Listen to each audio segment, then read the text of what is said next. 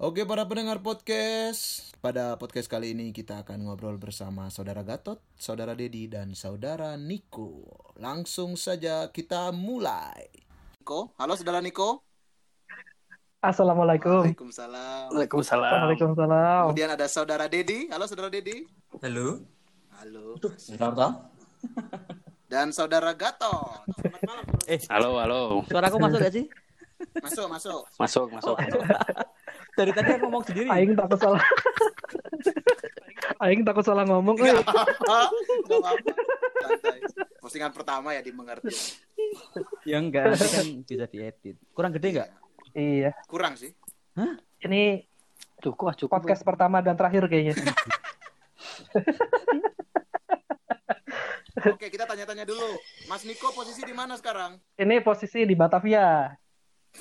Lagi di ibu kota, ibu Oh, kota. Jakarta. Iyo, Oh, i. iya. Mas Dedi di mana? Sama. Di mana? Ibu kota, juga. Sorry, sorry. Dan ini nih Mas Gatot ini spesial. Di mana nih? Wah, ini oh, Ada keren kayaknya. Itali Selatan namanya. Keren. Forza, Susah Forza. di Itali Selatan lah pokoknya. Iya, iya, kita Iya, belum kan. ada yang pernah Kita ke juga Italia enggak. soalnya itu, tahu itu nggak sih. terkenal tempatnya. Kotanya jadi Iya. bukan bukan kayak Roma, bukan kayak Venesia, jadi susah jelasin. Pokoknya Itali Selatan lah. Kita juga enggak Oh. pengen tahu lebih banyak sih. Udah cukup itu aja dari tadi. Kok kalian bikin ini jadi nggak menarik sih? Ayolah teman-teman. Bahasa Italinya selamat malam apa? Gracias ya, gracias. Apa selamat malam? Eh, Bro, jangan, jangan bodoh-bodoh lah. di Italia Oh, iya, iya. gimana, Tot? Corona katanya kalau di Indonesia beritanya heboh banget itu. Kamu gimana? Ya, Iya. memang memang sempat heboh sebelum sebelum Amerika jadi eh, urutan nomor satu kan Italia dulu. Jadi setelah Cina, Itali. baru Italia meledak, meledak apa namanya, tumbuh pesat. Itu Hmm. terutama di Italia Utara sih mulainya. Di daerah Milan, Torino, yang kota kecil ini di, di Italia Selatan tuh zero, eh zero apa namanya, nol kasus. Jadi Wah, termasuk ya, keren, mantap. aman. Keren, keren, keren. Aman. Lockdown, Soalnya kota kecil lockdown dan ya? pinggir, jadi nggak nggak dikunjungin siapa-siapa kotanya. Mhm. Hmm. Lockdown sejak minggu kemarin udah dibuka. Uh, Cuman keren. ada tetap ada aturan-aturan eh, yang mengatur misalnya soal eh, bepergian harus bawa surat pengantar Iyalah, terus surat tugas, physical distancing. eh, gitu-gitu masih masih berlaku. Oh. Tapi Liga beberapa Italia berarti belum lanjut ya? Belum belum, tapi sedang dirapatkan katanya waktu Loh, dekat. kamu Oh. anggota FIFA, kok tahu? Ada tiap hari di berita keluar. Oh, sorry, sorry, maaf. Kayak orang dalam gitu. ya sih emang. Soalnya di apa namanya? Jadi bahan perdebatan juga. Eh, kalau kamu setuju setuju Liga Italia lanjut nggak kira-kira? Ah, tuh. Waduh ini. Kalau saya sih eh Kamu pakai narkoba ya kok? Habis makan habis makan siang jadi ngantuk nggak pok- pokoknya lagi sekarang tuh di pemerintahnya lagi merancang soal prosedurnya kalaupun mau dilanjutkan maksudnya mau dibuka gimana sih supaya bisa tetap aman gitu pe- pertandingan-pertandingan yang jelas kalau penonton tifosinya sih mungkin belum akan boleh hadir ke stadion ya Oh ya nih, Iya. aku ada bocoran. Ternyata Liga Jerman itu sama Korea udah mau mulai. Tapi mereka Jerman udah, Jerman. Iya, tapi ini. Bukan Penonton 11. belum bisa masuk. Pakai Terus jumlahnya system. bukan 11 lawan 11 tuh, dikurangin. Tuh 6 lawan 6 kalau nggak salah. Biar biar aman. Mini soccer dong, futsal dong. Enggak lah. Ya enggak mungkin lah. Nggak, Coba. tapi aku lihat emang barusan lihat di berita bahwa Bundesliga akan mulai Iya, Oh. malam ini. Iya. Keren. keren. Iya. Makanya. Keren ya?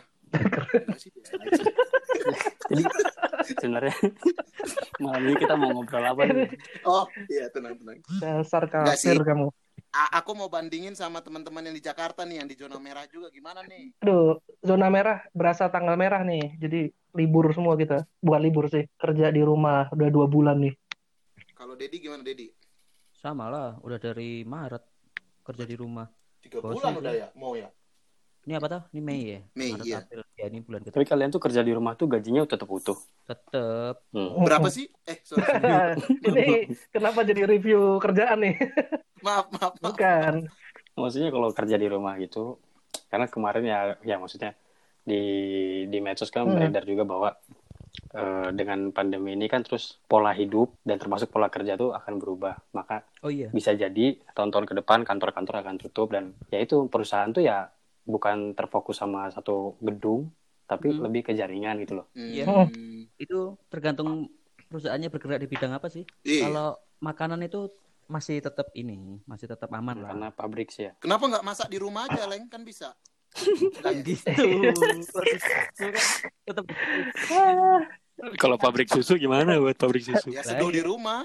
Iya, enggak. Susu kan di tengah-tengah kayak gini kan kita kan butuh ini kan apa namanya imun juga kan itu kan susu Iya. kan juga membantu untuk hal itu dan kebanyakan Hmm. selainnya juga tetap buka kok tapi Nah, iya. tetap ini menerapkan PS, aturan PSBB dan physical distancing dengan ketat personal hygiene juga Dedi kan kerja di Hmm. perusahaan susu ya, Dedi ya? iya Oh. Nggak boleh sebut merek tapi. Iya. jangan Nggak boleh, nggak boleh, kita di-endorse. kalau kita di endorse boleh Iya kah? Ayo Iya kita harus menarik, Bro. Wah, iya seru ya. Tapi susunya perusahaan Dedi enak loh. Aku minum enak banget. Susu tiang Yang- itu kan? Bukan, bukan tiang. Apa? Yang itu bendera, bendera. Susu yang Ya, susu yang apa iya, bodoh. Susu tiang. Tiang bendera maksudnya tiang bendera, tiang Oh bendera. iya. Ayolah, Iya. ayolah. Berarti kepada sang, Sang susu, gitu. kalau kalau bicara? Nggak tahu pacaran setahun sekali doang kan, Oh 17-an. iya. Kalau Niko di mana kerjanya nih? Kebetulan saya di satu perusahaan teknologi pendidikan, jadi nggak terganggu sih buat. Jadi tadi menjawab pertanyaannya Mas Gatot juga. Malah eh, rame. Iya gaji gaji tetap sama karena tanggung jawab sama deadline sama jadi cuma tempat kerjanya aja karena kita basisnya teknologi pendidikan bisa kerja dari luar juga gitu tot Oh. Hmm. Kamu kerja di mana sih? Kerja di Itu punyanya Najwa Shihab. bukan bukan kenapa jadi itu mata Najwa bukan Oh iya. bukan bukan Katanya dapat untung besar ya Najwa Shihab ya? Oh enggak ya? salah Salah ya? salah salah Salah bahasan. salah salah Itu ngeri sih. aduh Jangan-jangan. jangan kebenaran ini. Harusnya sih dapat. Wawancaranya baik banget Enggak. sih. aduh Kalian pada parno nggak sih waktu corona awal-awal gini? Kan ini udah tiga bulan nih. Siapa dulu nih? Ya siapa aja lah. dari Itali dulu lah yang paling banyak ya Ya Italia dulu ya. Tuh, Jadi tahu. waktu awal-awal booming di Italia itu kan di Italia Utara ya. Kami yang di selatan ini masih bercanda-bercanda gitu.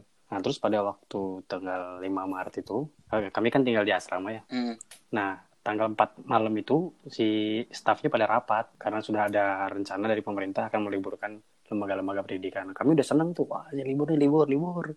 Udah semuanya udah pada packing kan. Iya. Eh, nah, kami juga diinfokan packing, eh diinfokan libur hanya dua minggu. Hmm. Jadi bawa barang juga cuma seadanya. Eh, nggak taunya diperpanjang sampai tiga bulan ini kan. Iya iya iya. iya. Gitu. Jadi sampai sekarang juga belum balik lagi ke asrama. Oh masih mengungsi ya? Terus tinggal di mana dong? diperpanjang di paroki di gereja di gereja. Mulai tanggal 18 kan diperbolehkan beribadah bersama ya, bisa bersama lagi. Oh. Nah, itu ada aturan yang ketat juga. Oh iya tetap. hmm. Hmm. Jadi bang sekarang kayak beberapa waktu lalu kami udah mengatur bangku. Jadi Mhm. bangku itu ditarik di benar-benar di, di jarak sesuai dengan aturan pemerintah. Hmm. Oh. Tuh. Lalu soal takut nih, saya waktu itu nggak takut sih sebenarnya, karena nggak mikir bahwa itu akan sampai dengan cepat ke selatan juga. Hmm. Yang Jakarta deh, gantian. Gimana Parno nggak? Mungkin Dedi dulu deh. Parno sih nggak terlalu sih Pot karena kan kalau baca-baca berita kan banyaknya itu kan yang eh, dibandingkan dengan SARS itu kan lebih fatal SARS dan juga ini kebanyakan korban yang meninggal itu kan udah bawa penyakit eh, dari dirinya sendiri maksudnya ada komplikasi lain Oh. dan juga umur Iya iya iya. iya. tapi yang lebih takut itu kalau jadi carrier aja sih Hmm. makanya semenjak itu terus udah nggak berpergian ke mana-mana takutnya kalau nularin ke orang lain gitu. Oh. Pekerjaan gimana kamu? aman lancar WFH Hmm, Oke oke. Niko Niko. Di awal-awal sih nggak takut ya karena eh, ngiranya kan cuma flu biasa kayak gitu. Tapi kemudian ada rekan dulu rekan kantor yang akhirnya kena terus Hmm. meninggal. Nah mulai mulai was-was tuh. Nah terus waktu dapet info kita kalau ini eh, ternyata virus ini menyerupai apa flu burung H5N1 terus flu babi gitu. Nah kita kan agak-agak takut nih sama babi nih. Haram kan babi. Jadi ya saya takut habis itu takut gitu takut ya takut intinya karena ternyata penyebarannya Eh, tuh kalau kalau- ya penyebarannya cepat gitu kan jadi dan tambah lagi ke, eh, kepekaan orang di Indonesia ini kan bisa dibilang masih sangat kurang ludah sembarangan, bersin nggak ditutup. Betul, Jadi Iya. ya lingkungan lah lebih takut ke lingkungannya gitu sih. Iya betul. Iya. Banyak Sorry, ini aku nanya iya, nih. banyak manusia. Teman yang meninggal tuh umur berapa? Eh, sekitar 30-an lah, 30-an Hmm. akhir. Masih muda ya? Masih masih muda dan fisiknya masih bagus juga. Dia nggak ada riwayat penyakit Nggak ada, nggak ada. Oh gitu. Tapi mungkin eh, kasusnya mirip-mirip ya. Karena di Italia kan sebelum ditetapkan sebagai pandemi, Hmm. itu eh, di Italia juga belum merasa itu bahaya banget gitu. Oke oke oke. Biasanya Iya di sih. Italia itu naiknya sebelum jadi pandemi Oh itu. Tapi kan kalau di Indonesia kan sebenarnya setelah jadi sudah ditetapkan pandemi iya kan iya iya. Harusnya bisa diantisipasi. Iya, tapi kan ini kita nih bertiga nih kan, aku, Dedi, sama Gatot ini kan single ya. Jadi maksudnya mengatasi situasi ini tidak terlalu apa namanya, maksudnya belum terlalu seperti orang-orang yang berkeluarga ya. Kan kalau saudara Niko kan udah Oh iya berkeluarga. betul, ya. betul. Mungkin saudara Benar. Niko bisa Oh, iya. cerita gimana?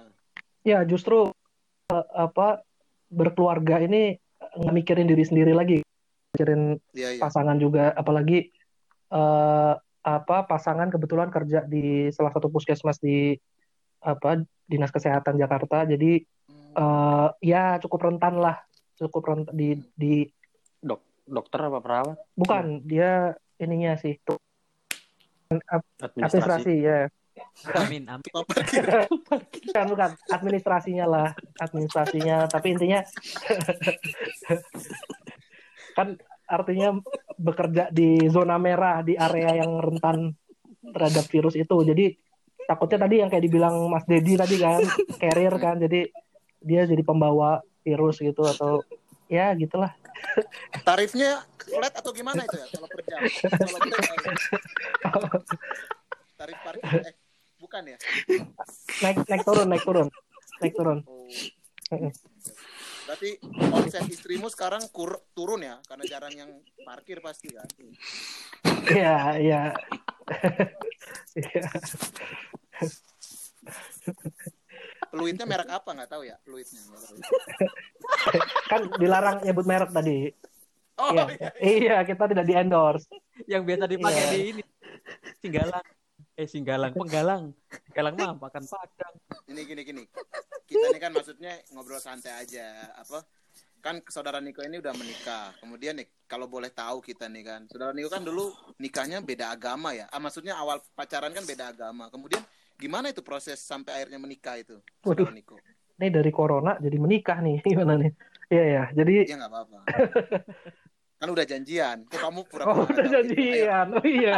Ini kan skenario nya pura-pura nggak tahu gitu loh. Oh iya. iya.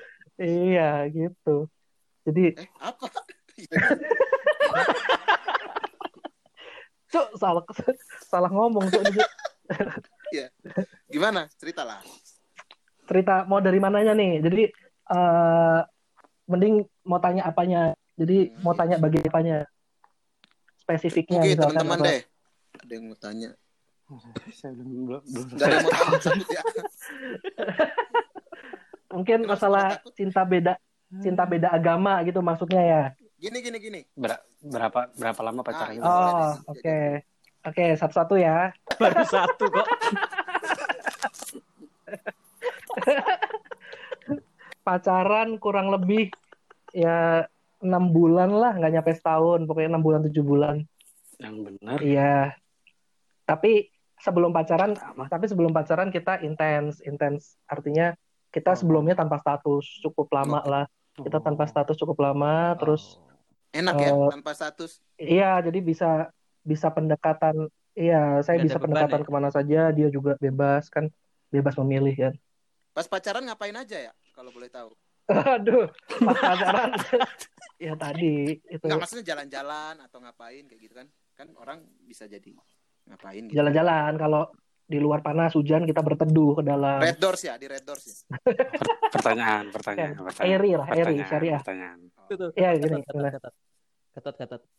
Waktu mbaknya itu tahu kamu non muslim, lalu mau pacaran gimana? nah Komen eh, tanggapannya Betul, betul, mbakmu betul. itu.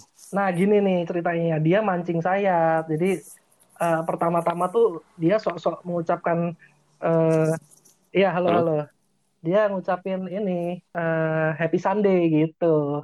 Dia mancing. Karena kan awalnya kita sama sekali sama sekali nggak bicara soal agama, jadi eh, saya nggak tahu agama dia apa, dia juga nggak tahu agama saya apa, jadi eh, mungkin dia mancing dengan Happy Sunday. Saya bilang juga Happy Sunday itu gitu kan. Ini udah pacaran atau sebelum pacaran? Belum. Happy Sunday. Eh, waktu masih PDKT, Oh, ya masih masih PDKT. PDKT, ya jadi Oh, eh, akhirnya setelah itu eh, pelan-pelan mulai ngomongin apa soal keluarga juga. Artinya Hmm. eh, akhirnya ketahuan kan latar belakang keluarganya apa agamanya apa segala macam. Jadi dari awal emang kita nggak ada tertutup kita terbuka semuanya. Terus Hmm. kebetulan karena keluarga dia juga dan sampai sekarang keluarga besar dia juga masih ada yang agamanya Nasrani eh, jadi menerima perbedaan gitu. Tapi emang dari awal sudah ada batasan-batasan kalau ini jadi Hmm. eh, artinya butuh ada antara saya yang pindah atau beliau yang pindah kayak gitu sih. Nah, Nah. itu, nah itu tuh. Nah, gitu tuh. Jadi lalu keputusan kamu untuk pindah pun dibicarain berdua itu, bro? Atau keputusanmu sepihak? Berinisiatif udah saya aja lah yang pindah gitu apa? Jadi Atau kamu Ya, dulu- melihat juga dia nggak mungkin kalau dia yang pindah gitu misalnya? dibicarakan berdua terus juga pada prinsipnya saya kalau saya menghargai perbedaan, tapi kalau untuk kalau perbedaan itu berada di dalam satu atap rumah tangga itu kok rasa-rasanya jarang, jarang yang berhasil. Maksud saya eh, ya ada yang berhasil, Hmm. pasti ada, tapi eh, presentasenya nggak banyak lah gitu. Karena tetap ada perbedaan-perbedaan yang mendasar kan itu. Oke oke oke oke. Puasa pertama kan ini kamu gimana gimana perjalanan puasanya kemudian? Ya sebenarnya puasa ini bukan hal baru sih sebenarnya. Sebenarnya puasa kan sebelum Oh, waktu masih saya masih memeluk agama Nasrani juga menjalankan puasa juga. Artinya eh, kita di Nasrani dulu juga ada namanya pantang kan, pantang dan puasa walaupun konsepnya beda, definisi puasanya beda, tapi eh, intinya berpuasa itu bukan hal baru. Jadi waktu hmm. Waktu eh, sekarang memeluk agama Islam dan menjalani salah satu kewajiban di puasa kan di Islam ini kewajiban. Gampang susah, susahnya mungkin sekarang ini ada sekarang saya ada sedikit kondisi lambung yang kurang baik, maksudnya mah sering kambuh mahnya kayak gitu. Jadi lebih ke masalah itu sih, tapi masalah apa sele- selebihnya selain itu nggak ada masalah. Aku lihat fakta baru nih teman-teman. Ketika corona kejadian kemudian kriminalitas nih mulai naik ya. Eh, mantap. Kayaknya banyak banyak orang yang kemudian kayak kena sasaran salah pukul karena dia dikiranya adalah maling dan lain-lain. Nih, saya mau Itu beneran tuh. Oh, iya Iya, bener bener bener. Kebetulan ada beritanya. Itu di Indonesia sih. Nah, kemudian tadi saya lihat Instagram teman saya ya kan. Dia itu kena penipuan. Jadi dia ngasih uang untuk sumbangan, tapi ternyata orang itu tuh bukan orang yang membutuhkan gitu. Istilahnya penipu. Jadi justru malah sekarang kriminalitas mulai makin beragam juga seolah-olah aji mumpung gitu. Hmm. Nah, kalau menurut teman-teman gimana soal ini? Aku batasin temanya ini aja. Teman-teman akan memberikan sumbangan, ya kan? Mm-mm. Tapi kemudian ternyata sum- sumbangan itu entah misalnya dalam bentuk kotak amal atau dalam bentuk sumbangan ini, tapi kemudian dia dia diambil orang yang tidak membutuhkan. Gitu. Gimana menurut kalian? kalau aku sih lebih prefer ngasih sumbangan Hmm, ke platform yang jelas aja, Bot. Karena kan mereka itu kan maksudnya bikin platform, misalnya kayak kita bisa itu kan mereka nggak mungkin Iya. secara cuma-cuma ngasih ke orang. Mereka pasti ada kayak ditinjau dulu Iya, iya. mana gitu loh. Jadi kalau kalau dari segi apa ya bisa dibilang komunitasnya itu kurang kuat, aku juga Hmm, akan ragu sih kalau mau ngasih sih. Cuman kalau misalnya kita ngelihat oh ini eh, kayaknya platformnya atau komunitasnya tuh kuat nih, ya udah pasti Hmm, eh, hmm. tersalurkan dengan baik lah. Karena kan mereka juga ada timnya sendiri Iya, itu iya, iya. ngelakuin research sih pastinya sih mana-mana aja. Pilihannya itu atau kita ini sendiri sih maksudnya nggak perlu Langsung ya? Eh, tapi dalam arti cakupannya aja lebih kecil misalnya tetangga kanan kiri kalau memang membutuhkan itu kan jelas lebih ini ya tepat sasaran daripada Mm-mm. kita memikir wah di mana di sini di sana cuman nggak tahu nyalurinnya lewat apa bener apa enggak Iya. Atau satu anggota Iya, pilihan kalau- sih, juga kan, pilihan aja sih itu anggota ini. Anggota kita ini kan juga bisa dibantu kayak ya Niko mungkin pendapatnya Iya kalau saya Siapa tuh, Bot? kita siapa anggota kita? Oh, boleh, boleh. Nggak, intinya intinya bener tadi formnya kalau misalkan untuk yang uang gitu eh, lebih baik ke apa platform yang resmi kayak transfernya jelas Hmm. ke mana nanti.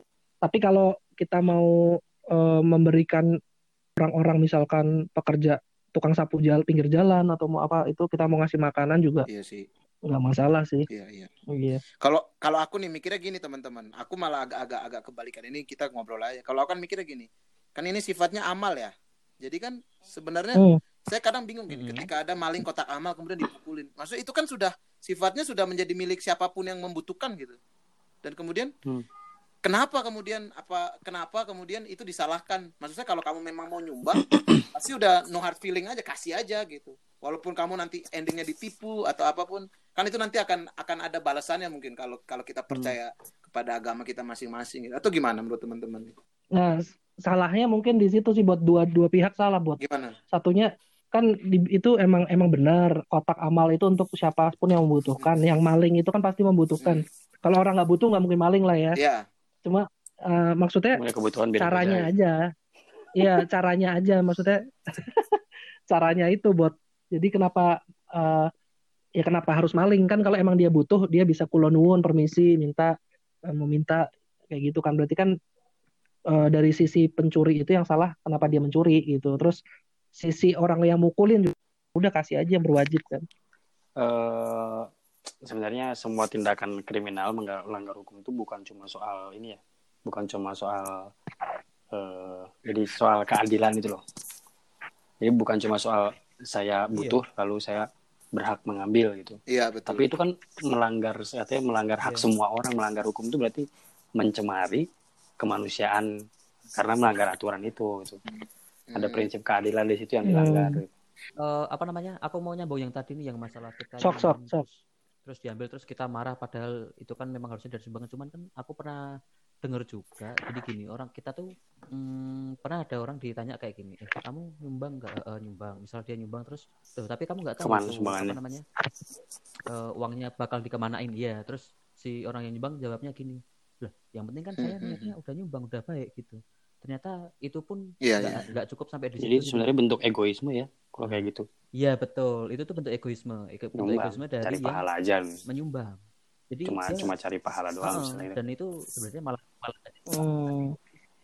itu malah kayak self proud aja gitu loh, kayak hanya membanggakan diri Hmm. sendiri. Ah yang penting mah saya nyumbang. Nah itu itu te- itu tetap harusnya sih nggak nggak nggak dilakukan. Tapi kalian pernah nggak salah nyumbang? Misalnya udah nyiapin uang, tapi itu bukan uang sumbangan. Pas kamu kasih, ah salah masukin nih aku. Saya nggak pernah nyumbang.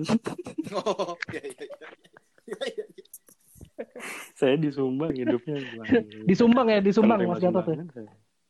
Jadi gini, Salah apa tuh, Bot? satu- Ceritain lah. Suaraku jelas kan? Jelas, jelas. Jadi ada satu Jelas. kejadian kan, saya Jelas, lagi jelas. di, di gereja, lagi ibadah gitu kan. Kemudian ada ada ada kotak itu ya- yang dibagikan kan, biasanya kan. Nah, saya sudah pisahin uang di saku kanan sama di saku Ah. kiri, ya kan.